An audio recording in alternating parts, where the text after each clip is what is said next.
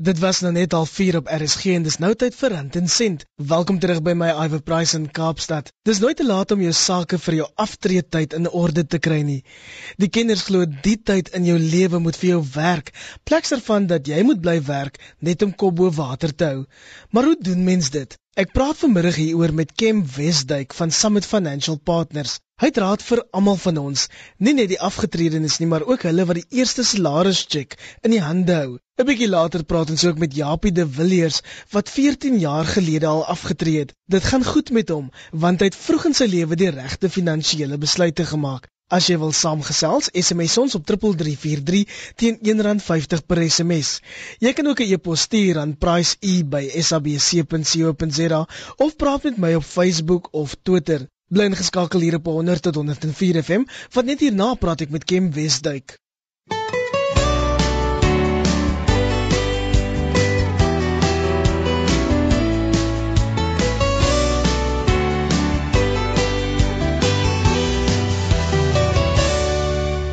Kim, die kinders sê hoe vroeër hoe beter, maar aftrede is waarskynlik die laaste ding waaraan 'n mens wil dink as jy jou eerste salarischeck in die hand hou. Op watter ouderdom moet 'n mens begin dink aan jou aftrede datum? Ek dink die kinders is heeltemal reg wanneer hulle sê hoe vroeër hoe beter. Ek sou sê wanneer jy begin werk.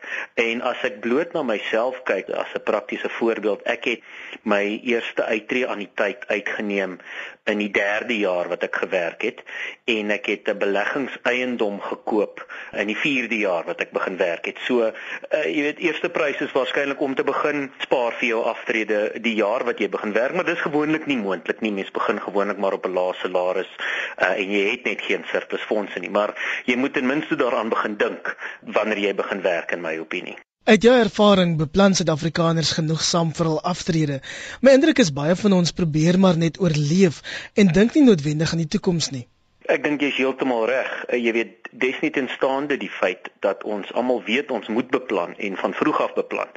Bewys uh, studies dat slegs 7% van Suid-Afrikaners aftree met voldoende finansiering vir hulle uittrede. Nou dit is nogal 'n baie kommerwekkende syfer as jy dink dat 93% van Suid-Afrikaners nie voldoende finansiering het om na hulself om te sien op hulle ou dag nie. Weet jy wat is die gemiddelde aftree ouderdom in Suid-Afrika? Baie maatskappye vra eenvoudig mense moet loop sodra hulle 60 is.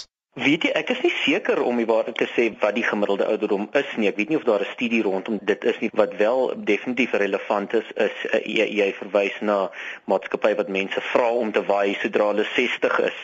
Daar is wetgewing daar rondom en dan ook hofgesag daar rondom wat baie mense dalk nie van weet nie. Die arbeidswet sê in artikel 187 dat jy kan op 'n normale aftree ouderdom jou werknemer vra om sy dienste verlaat. Nou die hofsaak het beslis dat 'n werkgewer kan nie bloot op sy eie besluit wat hierdie ouderdom is nie. So die beste is as dit ooreengekom word reeds in die dienskontrak met die werknemer dat die aftree ouderdom uh, 60 of wat daardie ouderdom ook al is. Daar was al heelwat hofsaake rondom werknemers wat afgedank is weens die werkgewer wat besluit het dit is nou sy aftree ouderdom en uh, die hof het dan beslis dat nee, dit is nie regverdig nie. Dit moet ooreengekom word met die werknemer aan die begin van sy kontrak. So dit is nogal interessante uh, hofgesag rondom dit. Dit is ook sodat baie mense verkies om vroeg af te tree op sê nou maar 55.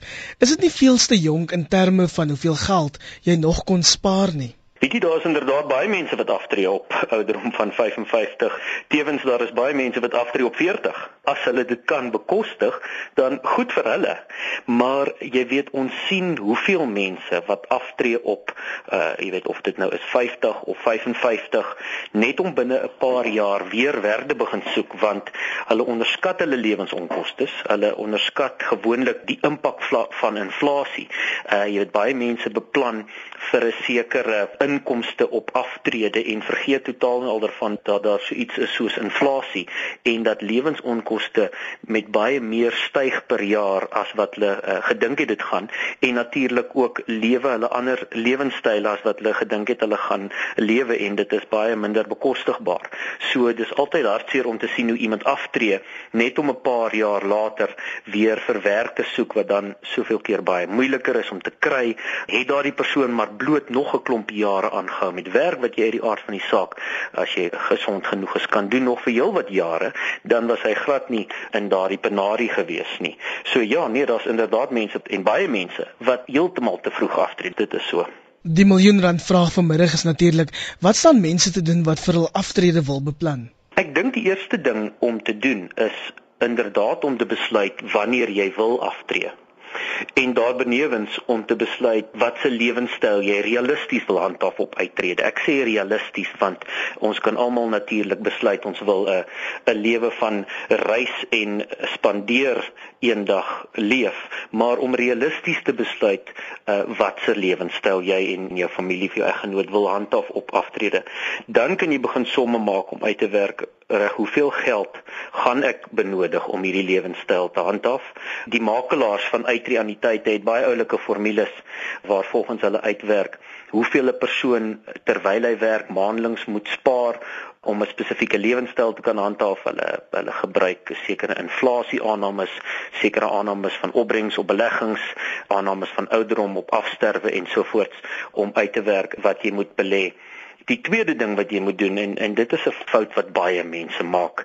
Solank as wat jy duur skuld het, betaal dit eers af. Kredietkaartskuld, die rentekoers uh, op kredietkaartskuld is ek op die oomblik sien tussen 20 en 25% per jaar.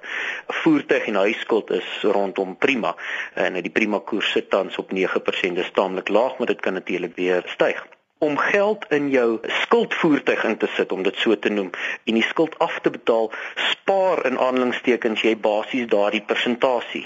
En wat meer is daardie opbrengs weer eens uh, in aanhalingstekens is is effektiewelik belastingvry.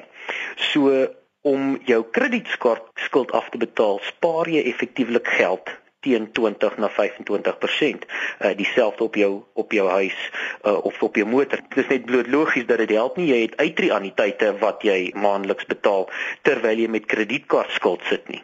Jy weet omdat huisskuld relatief goedkoop is uh, en gekoppel is aan 'n vaste bate, uh, dink ek nie uh, daar's enigsins 'n probleem om geld in ander voertuie te belê terwyl jy uitstaande verband het nie. Die meeste van ons het uitstaande verbande, uh, jy weet vir 20 jaar of wat ook al on, ongeveer tot ons aftree in elk geval. Uh, dis nie 'n probleem nie. Solank natuurlik jou nabelasting opbrengs op die uittreë beleggings wat jy maak hoër is as die verbandkoers. Dit help nie jy sit kontant verband iewers wat rente trek teen 6% terwyl jy 'n verband betaal teen teen 9% nie. En dan natuurlik eintlik voor mense hierby kom, spandeer minder. Mense kan slegs begin spaar en slegs begin spaar vir hulle aftrede wanneer hulle minder spandeer en jy weet dit kom eintlik terug na jou heel eerste vraag of vraag of stelling toe die die die groot probleem natuurlik is dat dat wanneer mense hulle salaris check kry wil hulle eh, bloot dinge koop en geld spandeer en daar is niks oor om weg te sit vir aftrede nie. So mense moet eintlik daar begin. Spandeer minder eerstens, tweedens solank jy duur skuld het, betaal daardie skuld af en dan derdens begin beplan wanneer wil jy uittreë of aftree en watse lewenstyl wil jy realisties handhaaf en dan begin somme maak rondom dit. Kom ons praat oor die verskillende voertuie vir aftrede. Wat is die dinge wat werk en dan wat is die dinge waarvoor jy moet versigtig wees? Die rooi ligte met ander woorde. Daar's natuurlik baie baie beleggingsvoertuie en die voertuie wat 'n mens wil gebruik hang baie af van 'n persoon se aptyd vir risiko. Uh nou ek gaan uh, mens kan ook natuurlik baie sê en en en debatteer rondom wat se siening mens neem op Suid-Afrika. Wil jy slegs voorsiening maak in Suid-Afrikaanse bates of wil jy 'n gedeelte van jou bates buitelands belê vir ingeval dit so is dat die rand baie verswak en dat jy dus teen daardie wisselkoers risiko moet keer. Maar as ons aanvaar dat jy die geld in Suid-Afrika alles gaan belê, in my opinie is die mees alledaagse voertuie is maar kontantbeleggings en dan natuurlik jou uitreaniteite of pensioenfondse en en derdens eiendomsbeleggings. As as mens eersins kyk dan na na kontantbeleggings met die oog om op die rente te lewe. Dit is uit die aard van die saak die laagste risiko. Byvoorbeeld om in 'n geldmarkfonds of in 'n kleinhandel uh, spaarband, die ons ken meer die Engels die retail savings bonds te belê. Die groot voordeel hiervan is dat daar basies geen risiko is nie want jy belê jou geld bloot in die bank of in 'n entiteit met 'n baie groot balansstaat wat daar gaan nie sommer iets verkeerd gaan nie. Nadeel is natuurlik 'n lae opbrengs en en tweedens belastingnadele. Huidiglik is, is slegs die eerste 30000 rand van rente wat jy verdien belastingvry. In die laaste begrotingstoespraak nou in Februarie was daar selfs sprake dat hierdie belastingvoordeel op rente afgeskaf kan word in 2014 dat jy van daardie jaar af nie meer hierdie belastingvoordeel kan kry nie. Nou dis nog nie gefinaliseer nie, maar dit is 'n uh, gevaarlig op die horison. Tweedens en waarskynlik die mees algemene een is is uitreaniteite. Eh, die voordeel hier is dat uh, hoewel dit nog steeds relatief lae risikobelegging is, neem jy meer risiko maar dit kan natuurlik ook 'n hoër opbrengs vir jou lewer want jy het nou blootstelling aan die aandelemark. Jou eiers is as en ware in in heelwat mandjies want jy kan jou geld belê in 'n fonds wat op sy beurt belê in wêreldwye eiendomme en wêreldwye aandele in Suid-Afrikaanse aandele ensovoorts. En dan is daar natuurlik 'n groot belastingvoordeel met uitreaniteite ek sal fokus op uitreaniteite dit is 'n bietjie anders op pensioenfonde en die sogenaamde provident funds. Jy kan tot 15% van jou belasbare inkomste. Kan jy uh, bydra aan 'n aan 'n uitreaniteitsfonds en hierdie bydraes kan afgetrek word vir die berekening van jou belastingaanspreeklikheid en jy betaal dan eers daardie belasting wanneer die polis uitbetaal op 55 of 60 of, of wanneer die polis ook al gaan uitbetaal. En ook eers nadat jy 'n belastingvrye uitbetaling ontvang het van ongeveer 300 000 rand. So waar jy nou in die volgende 20, 30 jaar elke maand 'n uh, bydrae kan maak of elke jaar van so hoog soos 15% van jou belasbare inkomste. So as jy as jy 100 000 rand verdien waarop jy belasting betaal, kan jy tot 15 000 rand aftrek as jy dit bydra na 'n uitreaniteitsfonds. Jy kan dit oor die volgende 20, 25, 30 jaar doen. Wanneer die polis dan uitbetaal, is die eerste 300 000 rand word uitbetaal sonder dat jy belasting daarop betaal en daarna, ek dink op die volgende 300 000 rand betaal jy 18%, op die volgende 300 000 rand betaal jy 27% en en so voort. Jy kan 'n derde daarvan neem as 'n kontantbetaling, as 'n eenmalige kontantbetaling en die ander 2/3 word as 'n as 'n maandelikse anniteit aan jou uitbetaal en jy betaal dan belasting volgens daardie skale. So so daar is baie belastingvoordele voordele. Eerstens dat jy dit dat jy heelwat minder belasting betaal en tweedens dat jy baie belasting uitstel omdat jy eers oor 20 of 30 jaar teen daardie glyskale die belasting gaan betaal. So gesels saam met Financial Partners se Kim Westdyk. Ons sluit nou by Japie de Villiers van Kuilsrivier hier in die Kaap aan.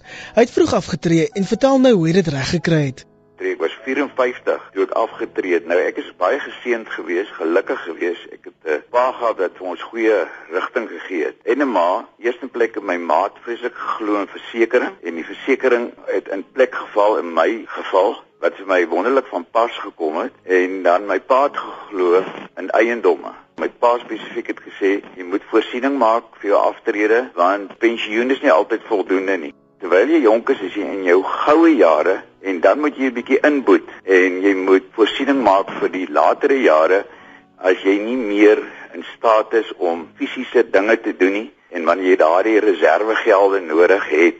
Ek het gelukkig voorsiening gemaak. My advies wat ek mense kan gee is moenie nou as jy in jou goue jare is liks lewe nie. nou dit is nie goed vir die motorbedryf nie.